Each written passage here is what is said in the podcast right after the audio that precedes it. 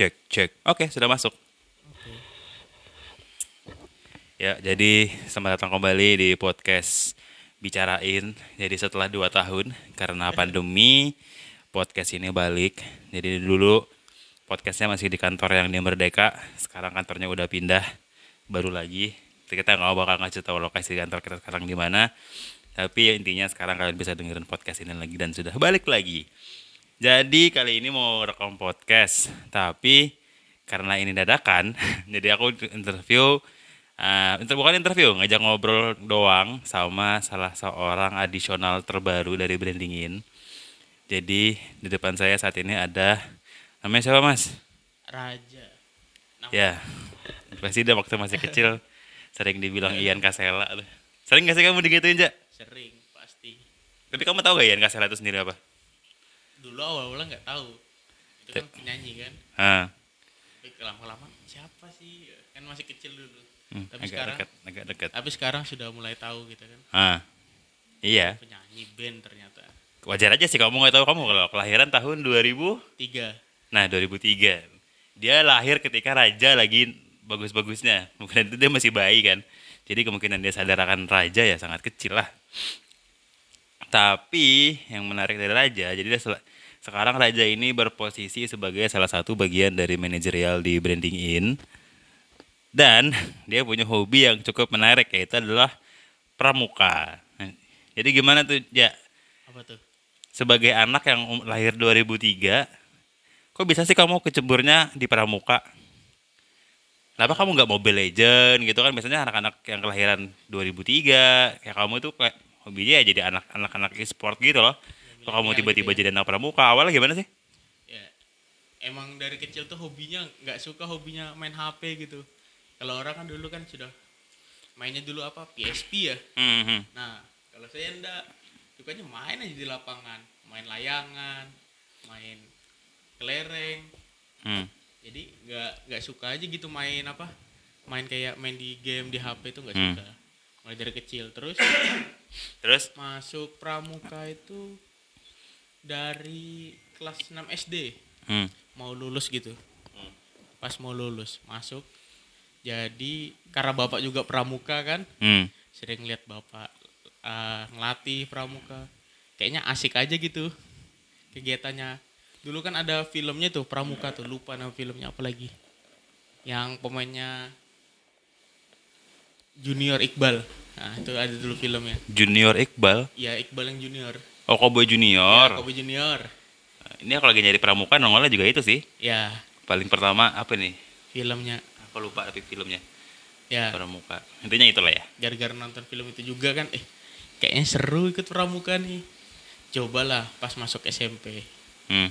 masuk SMP ikut pramuka ya awal-awalnya ya apa sih pramuka nih kayak dihukum-hukum kita di Iya gitu. ya kan Kayak ospek gitu. ya ospek lah ibaratnya kan dilatih Hmm. misalnya fisik kita dilatih terus ah pokoknya senioritasnya masih ada lah dulu di pramuka Nah, di era-era itu tapi ya karena kelama kelamaan pasti awal masuk pasti pengen ah bete ah cuma gini kayak kita dija- disiksa-siksa hmm. tapi kelama kelamaan itu jadi hal yang biasa bagi kita karena memang efeknya itu bukan saat kita melaksanakan itu Hmm. efeknya itu bisa dapat 10 tahun ke depan lima tahun ke depan Contohnya mentalnya lebih kuat gitu ya. mentalnya iya dulu pernah awal tuh jadi panitia kan Hmm. kegiatan karena kita baru nih kan terus Hmm. eh, kita tuh ngadakan acaranya di kodim seberang Hmm. nah itu kan tentara tuh Hmm. Jadi kita dites betul di situ tuh pokoknya kita disuruh teriak lah apalah itu teriaknya itu dari ujung ke ujung tuh harus kedengaran Oke. oke sama tentara itu Hmm. kalau nggak kalau nggak apa kalau nggak kedengaran perut kita kayak ditekan gitu biar bisa teriak gitu Tapi orang tua dukung-dukung aja kamu waktu awal-awal mau masuk pramuka itu. ya awalnya dukung aja karena bapak kan dari pramuka juga Oh gitu. iya Hmm. Tapi kalau sekarang anak-anak pramuka yang baru daftar seumuran kamu banyak gak sih? sekarang semua kayaknya hampir semua pramuka deh lagi susah nyari generasi Iya, aku ngerti kenapa kayak kayak kata kataku tadi. eh biasanya kan anak-anak seumuran kamu tuh sibuknya main Mobile Legend, main game jadi atlet e-sport lah. Iya. Atau enggak kalau nggak jadi atlet e-sport ya jadi YouTuber gitu. ya Terus kamu tiba-tiba jadi pramuka dan tiba-tiba masuk brandinginnya salah satu yang bikin kamu mencolok ketika kamu masukin lamaran kan di brandingin tuh. Aku kayak lagi bercanda kan sama Rilo lagi di kantor ini. Terus tiba-tiba, wih ada anak pramuka nih. Kebayanganku dari sebuah anak dari seorang pramuka itu anaknya disiplin gitu kan, tepat waktu. Soalnya kan kalau anak-anak pramuka kan kalau nggak tepat waktu harus dihukum kan. iya Pokoknya, wih anak pramuka nih, cobalah cobalah gitu, hubungin aja. Soalnya dia paling mencolok. Soalnya tuh ya, dibalik dibanding teman-temanmu yang ngelamar di waktu itu juga kayak ada yang kemampuannya eh, basic-basic lah, bisa ngetik, bisa gitu kan. Tiba-tiba kamu nongol pramuka, wow, menakjubkan. ya pramuka tuh apa ya mungkin mindset orang anak sekarang ini Hah. mikir pramuka ini ah kita disiksa kita di apa capek lah Hmm. panas lah ya memang itu di seumuran sekarang di Hmm. berarti di SMP pramuka tuh ada tingkatannya kan Hmm, siaga siaga Hmm. tuh untuk umur uh, anak SD biasanya 6 sampai 10 Hmm. tahun. Penggalang itu SMP biasanya dari 11 sampai 15 hmm, baru penegak itu dari 17 ke 25 kalau nggak salah ya. Hmm, nah waktu di zaman zaman siaga itu pasti kita cuma diajak bermain pramukanya. Hmm. itu SD kan? Ya, seru-seruan lah ya. ya kalau sudah di zaman penggalang itu kita sudah ibaratnya dilatih mental kita. Karena menurut saya pramuka tuh asiknya di zaman penggalang. Karena penggalang itu kita ada bermain juga ada. Hmm, fisik mental kita masih ada kayak masih ada anak-anak yang masih ada tapi untuk dilatih kedewasaannya juga ada. Nah memang itu manfaatnya memang belum sekarang terasa pasti di saat Hmm. itu. Tapi saya sudah ngerasakan manfaatnya tuh di sudah naik tingkatan di usia penegak. Jadi Sekarang kamu penegak. Penegak Berarti yang paling tinggi dong levelnya. enggak masih ada pandega Oh, pandega itu di atas lagi. ya Itu umur berapa itu?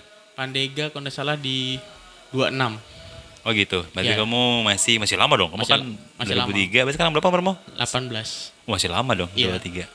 Tapi masih bakal bakal sampai pen anu nggak kamu? Sampai sampai di tahap itu nggak? Atau nanti ada fase kamu berhenti nggak kira-kira? Atau masih mau mau terusan pramuka sampai tua nanti? Kalau kami di Pramuka tuh punya semboyan tidak ada kata berhenti Pramuka kecuali orang yang sudah tiada. Jadi itu ibaratnya semboyan Pramuka lah. Hmm. Kalau memang dia nggak Pramuka lagi dia paling cuma nggak aktif. Hmm. Kalau memang dia jiwa Pramuka pasti dia nanti kembali kok. Oh gitu. Saya sempat eh, awal masuk SMA karena sekolahnya nggak ada Pramuka sempat ibaratnya ah, pengen pindah haluan lah. Pindah masuklah saya di Paskib. Hah. Masuk di paskib itu ya 11 12 lah ibaratnya dengan pramuka kan Hmm. mental-mental dilatih juga. Hmm. Di situ manfaatnya yang saya rasakan selama saya ikut pramuka paskib SMA. Jadi awal mula ibaratnya kita sudah pasti adalah ibaratnya namanya rekrut anggota baru tuh pastilah di kerja sama kakak tingkat kan. Hmm. Nah, dimarah-marahi apa? Saya kalau orang-orang ibaratnya yang baru newbie lah ibaratnya kan Hmm. Pasti mereka tuh kayak sudah deg-degan Hmm. apa karena kita sudah terbiasa ibaratnya hari-hari di bentak-bentak gitu Hmm. jadi kita tuh biasa aja Hmm. Malah malah ngelawan gak? yang lawan ibaratnya orang marah-marah tuh apa sih ini cuma marah-marah aja Bo bohongan juga nih Iya, settingan. bohong-bohongan, setting-settingan aja. biar nakut-nakutin kita kayak sudah terbiasa terus pramuka tuh kan juga diajarkan tuh ngomong di depan umum itu Hmm. itu yang ibaratnya poin ini sampai sekarang saya rasakan Pede ya. pede Ngomong di depan umum itu maksudnya gimana? Pidato. karena kami ibaratnya pramuka tuh misal kami mau mau melakukan apa-apa kami harus setiap orang itu harus berani mimpin Hmm. kita tuh gantian terus mimpin ada waktunya mimpin semua tuh harus bisa mimpin Hmm. Nah, kita diajarkan bagaimana bisa ngomong presentasi bisa menjelaskan eh, bisa mengambil ibaratnya ambil keputusan lah Hmm. itu diajarkan Hmm. Ngambil keputusan itu maksudnya kamu ada ada masanya kamu jadi pemimpin gitu atau kamu mengambil keputusan untuk dirimu sendiri? ya bisa untuk individu misalnya kita kan harus bisa bikin keputusan sendiri terus misalnya eh, memang kita lagi berorganisasi bisa untuk ke depannya di luar sana biar kita bisa ibaratnya ambil keputusan yang mana baik karena kan kita sudah diajarkan tuh gimana yang benar gimana Hmm. Tapi kemampuan-kemampuan pramuka tuh sekarang masih kamu pelajari nggak sih kayak misalnya kayak kode Morse tuh bisa nggak kamu? Nah, itu kembalinya lagi. Eh, itu rata-rata ibaratnya kita diajarkan seperti itu tuh di masa-masa penggalang. Hmm. Karena kan penggalang itu ah, kita juga bermain apa banyak di lapangan lah. Hmm. Kalau di jadi dulu tuh tiap hari pelajaran itu kode Morse, tali temali, Hmm. eh, belajar semapur apa-apa. Nah, Tapi kamu bisa nggak tali temali itu? tali temali bisa sebagian tapi karena sudah ibaratnya usia sekarang Hmm. ini sudah mulai lupa-lupa lah sudah Tapi tapi tali temali kepake nggak dong? Kepake dong. kepake. Bikin tenda gitu kan? Iya, manfaatnya, dampaknya di kehidupan sehari-hari dapat ada. Terus kayak kalau apa yang bendera-bendera tuh apa namanya? Semapur, Semapur tuh kepake nggak? Semapur dulu hafal, sekarang sudah mungkin satu dua aja yang hafal. Mungkin karena sekarang sudah makin canggih kali ya. Jadi kayaknya sudah mulai dip- dipelajari tapi nggak nggak kalau di dalam kondisi di lapangan kayaknya nggak kalau kepake kan? Bukan, karena bukan di usianya lagi. Hmm. Di usia penegak itu kita ibaratnya sudah diajarkan seperti administrasinya aja. Hmm. Nah, administrasinya belajar gimana as- ngatur surat menyurat, mengatur mengelola program kerja. Oh, berarti ada manajemennya juga ya? Iya, Oh gitu. Jadi kalau sudah di usia penegak itu kita boleh masuk namanya ada dewan kerja. Dewan Kerja Pramuka. Ya, Hmm. mau itu dewan kerja tingkat ranting, DKR namanya. Hmm. Dewan kerja cabang itu sesa- sekota, Hmm. daerah itu sedaerah. Hmm. Nah, jadi kita diajarkan bagaimana mengatur eh, anggota pramuka di wilayah tersebut. Mekanismenya kita buat program kegiatannya, kita mengatur data-datanya. Hmm. Di situ kita sudah diajarkan di usia penegak begitu. Hmm. metode kepramukaannya. Kamu tahu nggak tapi kepanjangan kata pramuka itu apa? Raja Muda Karana.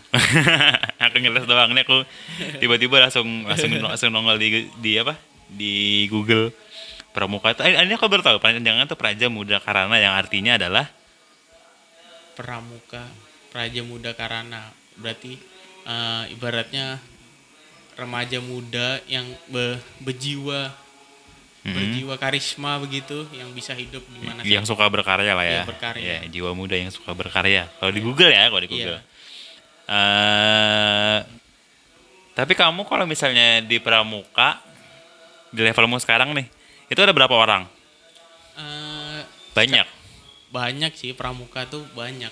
Pramuka tuh ibaratnya nggak bisa dihitung anggotanya. Kalau kalau di komunitas pramuka itu gimana sih hitungannya nasional kah atau kayak cuman komunitas gitu di komunitas pramuka ada beberapa macam gitu gimana? Enggak, pramuka tuh dia kayak kalau kita bilang itu kayak pemerintahan juga. Oh gitu. Iya. Organisasi, organisasi. Iya, organisasi yang ada dasarnya, ada undang-undangnya. Hmm. Ya, karena kan kami ibaratnya mau apa-apa ada landasannya, ada dasarnya undang-undang.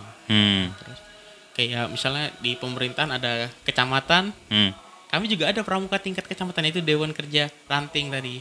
Hmm. Mengatur pramuka di daerah misalnya kecamatan Samarinda Kota. Hmm. Jadi dibentuk dewannya ketuanya siapa, sekretarisnya siapa yang bisa mengatur pramuka di wilayah kecamatan itu. Hmm. Gitu. Tapi orang-orang kan taunya pramuka tuh camping. Ya. Sebenarnya pramuka nggak cuma soal camping berarti ya? Enggak, itu mindset umumnya orang. Tapi kalau Ya. orang betul-betul mendalami masuk ke pramuka itu, pasti tahu pramuka itu bukan hanya camping, nyanyi-nyanyi saja. Hmm. Am, sesuatu yang menurutmu tuh nggak akan kamu tahu kalau kamu nggak masuk pramuka itu apa? Kalau misalnya aku pribadi ya, kalau aku pribadi kan aku ini bisa olah suara nih. Kan Iya. kamu denger nih suara aku saat ini Iya.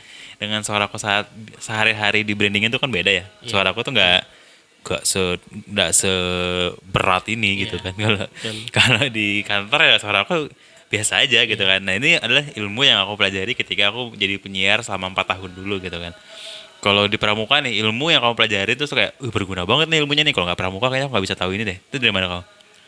Apa? Ya, sampai sekarang yang nggak mau saya tinggalkan gara-gara pramuka itu Hmm.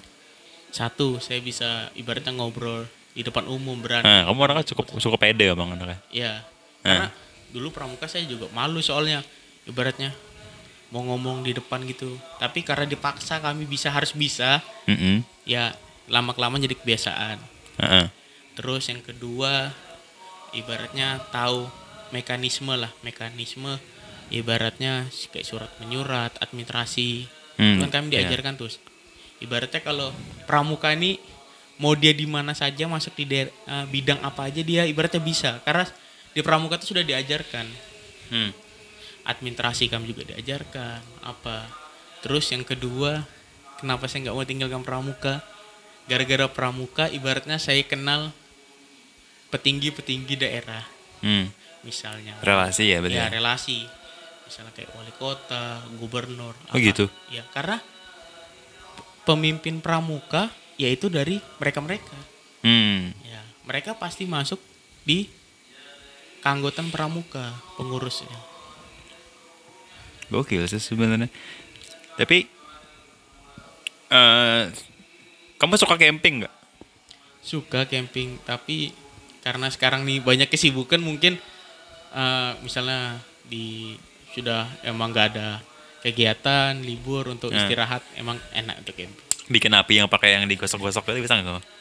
Eh, itu kayaknya di periode-periode sebelumnya deh tapi kalau sekarang kami sudah diajarkan pakai korek aja Korek. Oke. Udah. Sudah ngapain sih gosok-gosok kayu? iya karena kan kayunya juga sekarang susah dicari iya sih. Sekarang kalau mau nyalain api unggun pakainya sampah. iya korek pakai korek, pakai ban bekas ya, dalaman ban itu ya. Itu Iya. ya. Pakai dalaman ban. Aku adalah orang yang nggak pernah kemah nih. Aku nggak pernah kemah. Aku punya ketakutan tersendiri terhadap camping. Aku aku bisa camping asalkan aku tahu eh, daerah itu adalah daerah yang aman karena kan aku punya ketakutan tersendiri ya. Jadi adalah makhluk-makhluk tuh yang aku nggak bisa nggak bisa tuh ngal- ngalamin tuh kayak kadal, cicak tuh aku nggak berani kan. Kamu ada nggak sih yang kamu takutin di hutan? Tak? Kan kamu pramuka nih pasti kan bakalan ke hutan-hutan tuh ada nggak hewan yang kamu takutin di hutan? Yang kita takuti pasti Atau kan- hantu gitu? ya kita takut itu pasti kan ibaratnya kita sebelum kemah itu kita harus mengetahui dulu Nah. tempatnya. Iya, aku juga gitu, aku juga gitu. Nah, itu kita ibaratnya bukan sembarang datang dirikan tenda, bukan. Nah, Jadi kita lihat juga, riset. riset juga. Hmm. Maksudnya eh, ini misalnya ah, kita sebelum masuk itu kan ada warga setempat gitu Hmm. kan. ya. Apakah bisa kemah? Kan bisa Oh, kayak gitu. izin dulu berarti. dulu. Hmm. Izin, terus biasanya bisa dikasih tahu jangan di daerah sini, daerah sini karena setiap daerah tuh ada tempat terlarangnya, ada tempat yang bebasnya. Hmm. Nah, jadi kita harus mengetahui itu dulu. Karena kalau kita sembarang ibaratnya masuk tanpa izin, pasti ada apa-apa, pasti ada. Maksudnya ada apa-apa, Pak? Eh, Hantu-hantu gitu. macam-macam sih. bisa juga. Kesurupan. Ya kesurupan, terus itu kan ibaratnya di alam lainnya. Heeh. Kalau biasanya tuh kita nggak tahu misalnya daerah itu Banyak ada ular. hewan, hewan buasnya, ular. Beruang. Ya kadang biasa sih ular yang biasa. Ah. Daerah kita Kalimantan ini ular. Sama biawak. ya sama terus juga curah hujannya kadang juga kita juga Hmm. tempat ada memang yang dilindungi sama enggak Hmm. jadi kita nggak sembarangan datang di ringan Hmm. tenda kita harus izin dulu Tapi ada cerita menarik gak sih kamu selama jadi pramuka? Yang kamu kayaknya nggak bisa lupa gitu. Entah itu hantu kayak gitu. cerita menarik itu banyak sih Lagi tidur bangun-bangun dalam celana ada ular gitu. jadi itu oke cerita menarik itu pas ke waktu saya ikut oh ya pas, pas saya ikut jambore daerah kalau nggak salah ya jambore daerah tahun 2015 tuh di Berau Hmm. Oh, cuma sampai ke Berau kamu ya? ya Oh, jauh juga berarti. Berarti kalau kamu ke Berau ke Berau gitu dibiayain. ah, itu kan ada event kami pramuka kan ada di event Oh, gitu. tahunnya. Nah, jadi itu memang perwakilan dibiayain berangkat Hmm. Berarti kamu termasuk salah satu yang, yang hebat dong ya sampai kamu dipilih untuk ke Berau. itu pas saatnya pas hokinya juga sih Hmm. karena pas libur Hmm. kayak liburan sekolah gitu yang lain pada libur cuma saya aja yang masih aktif latihan Oh gitu. iya berdua aja saya sama teman saya aja latihan pas betul juga ada event jadi kan langsung diberangkatkan Hmm. jadi itu kan acaranya itu lima hari kalau nggak salah Hmm. Jadi tuh di sana itu karena saya yang paling kecil, berarti paling muda juga di Iya, di regu- 2003. Iya, di regu yang lain kan sudah umurnya berapa berapa. Heeh. Pokoknya itu saya itu dibilangi sampai sana. Badan saya dulu kecil, pendek. Nah, Tas saya tinggi betul dari badan saya. kayak di film Up tuh ya. Nah, itu. Jadi saya pas datang itu baru turun dari bis, ngangkat tas itu, langsung kan upacara tuh. Pas upacara, saya paling belakang kecil, maju, terus langsung sa- semua ibaratnya dari kota-kota yang lain tuh Hmm. langsung nyuraki saya gitu nah. Woi, ini yang di film-film itu yang di film-film. Sampai dibilangi ini up, ini up katanya. Ya. Ini up, ini persis up katanya. Karena dulu badan saya gendut juga dulu, terus bawa tas gede betul. Jadi saya tuh ke apa ke mana-mana itu dipanggil up, nggak dipanggil raja selama kegiatan itu. Gara-gara tas saya besar betul, badan saya kecil. Itu sih. Isi tas pramukanya penting menurutmu apa? Kan isi tas pramuka bisa gede tuh. Selain baju-baju, yang penting apa? Bawa korek, yang jelas kan ya. Center. Tali, Tali, tali apa itu? Bebas. tali rami. Tali rami. Iya, talinya pramuka itu. Itu apa tuh? Putih. Ini gimana? Putih. Tali rapia gitu. Lain tali rami yang kayak tali pramuka. Coba aku cari di Google ya. Aku nggak Iya. pernah. Aku aja baru mendengar nama tali rami dari, dari kamu nih hari ini. Itu termasuk tali terkuat lah bagi kami. Tali buat buat naik gunung itu kah? Tali serbaguna. Oh gitu. Iya, Tali rami. mau apa pun pakai Oh tali ini. Iya, Yang dari rotan gitu ya bahannya.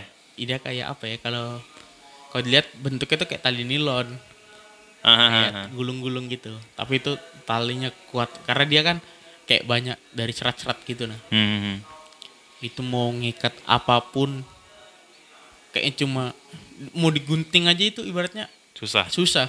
Harus gunting yang tajam. Nah, berarti buat tali rami. Seberapa banyak tuh buat tali rami biasanya? Ya secukupnya kebutuhan. biasanya kepakai buat apa tali rami itu?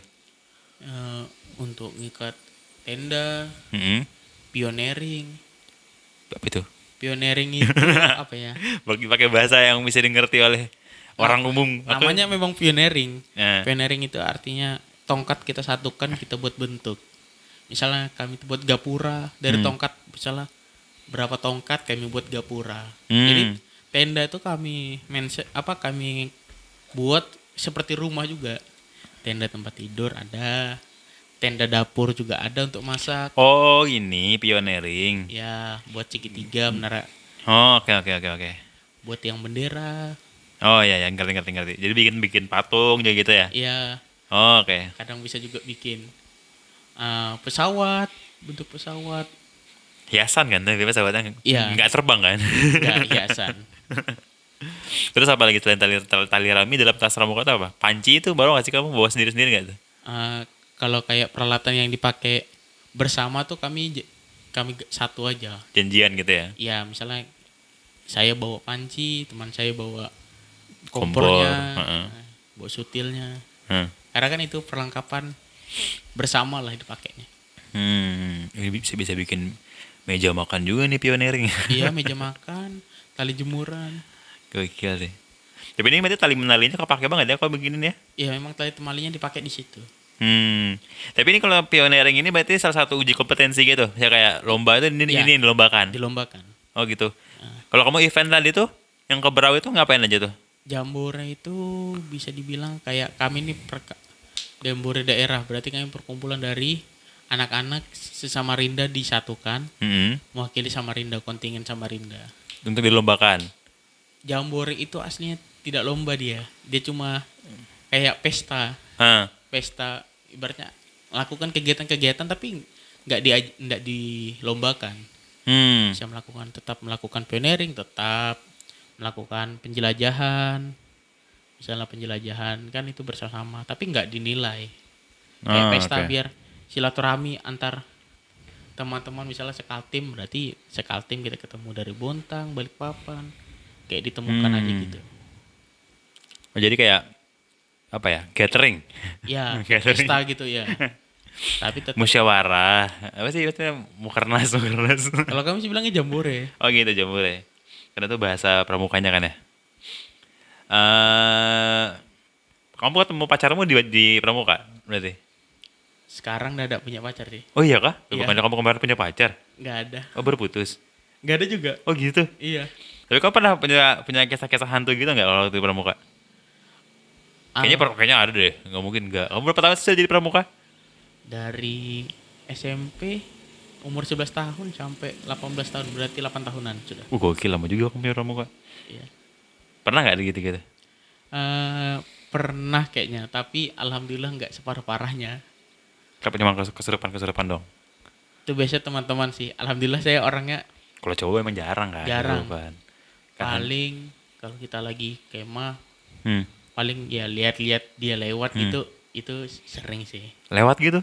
Ya ibaratnya kayak lewat saat- Pocong gitu. Enggak kayak bayangan lewat saat saat gitu aja. Kalau saya sih gitu aja.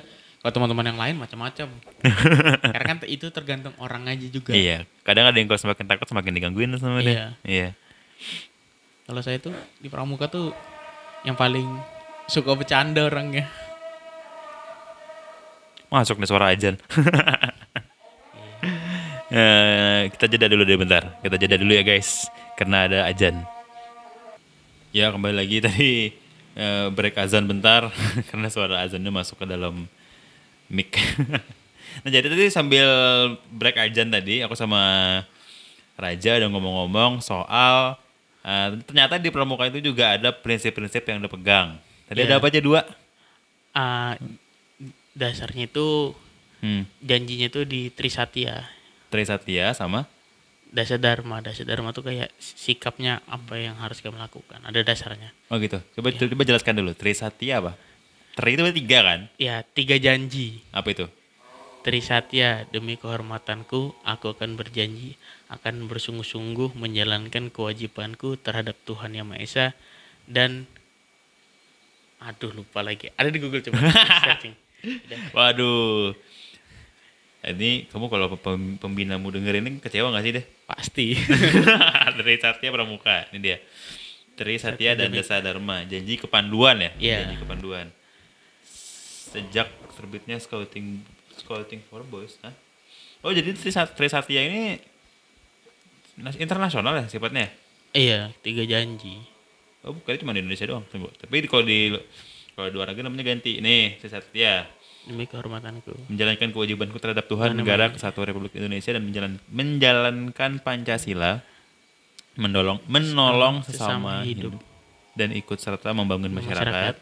dan juga menepati dasa dharma. Oh, nomor tiga menepati dasa dharma dan dasa dharma Iya. itu adalah Sik eh, apa ya?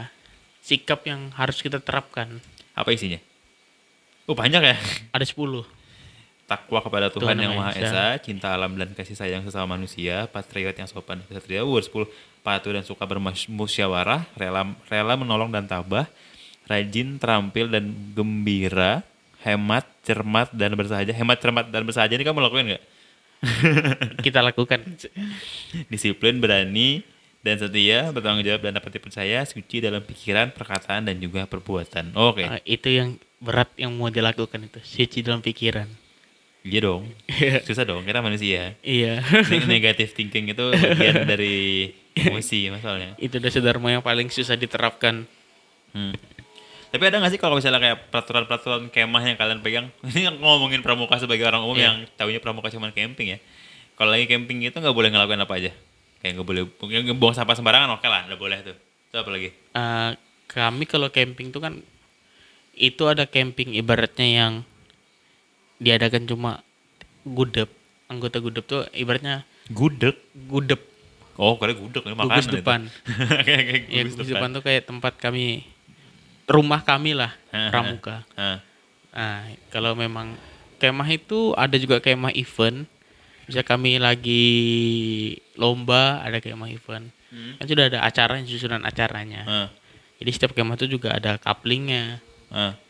Tidak boleh di batas itu terus juga pokoknya kegiatan seperti di rumah kita buat seperti di situ Oh, oke. Ada batas privasi gitu ya, coupling iya itu tadi. coupling Jadi kayak ini tendanya tenda si ini, jangan dimasukin selain anggotanya si ini gitu ya. iya betul Oh, Oke.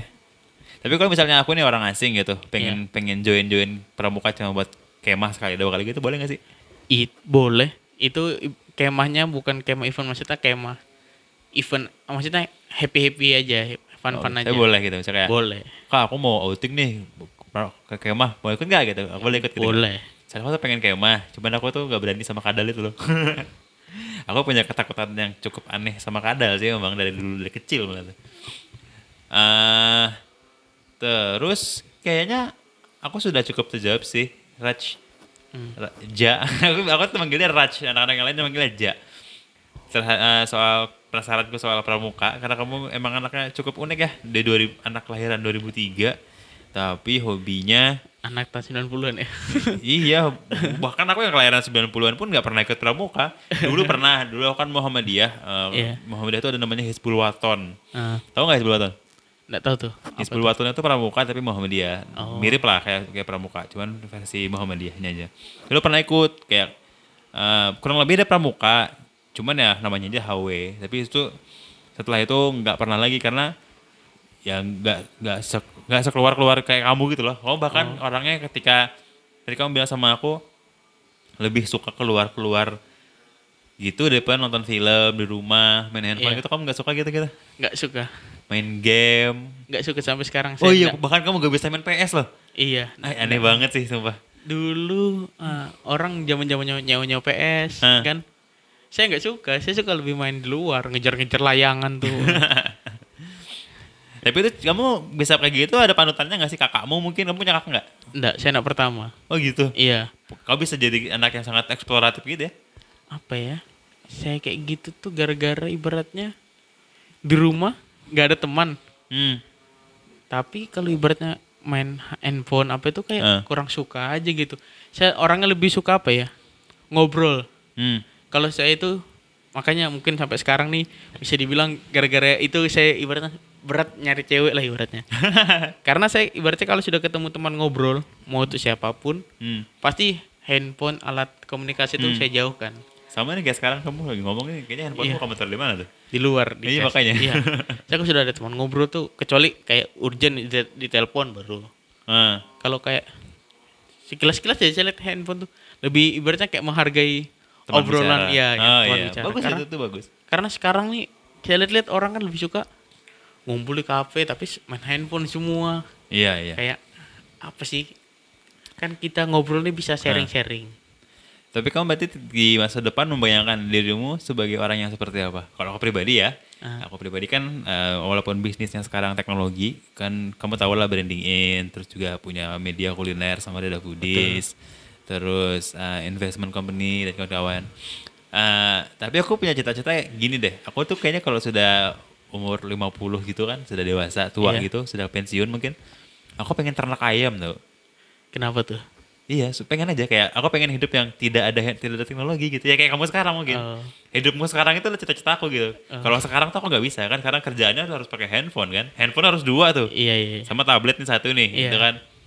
Ya kamu tahu lah betapa high tech-nya kantor ini kan ada ada PS, betul. ada macam-macam lah teknologi-teknologi di kantor ini. Karena emang dibutuhkan gitu kan. betul Dan aku pengen ketika aku sudah dewasa nanti, sudah dewasa, sudah tua, aku pengennya nggak usah ada teknologi-teknologi gitu. Nah kalau kamu gimana? Atau malah kamu kebalikannya dari aku?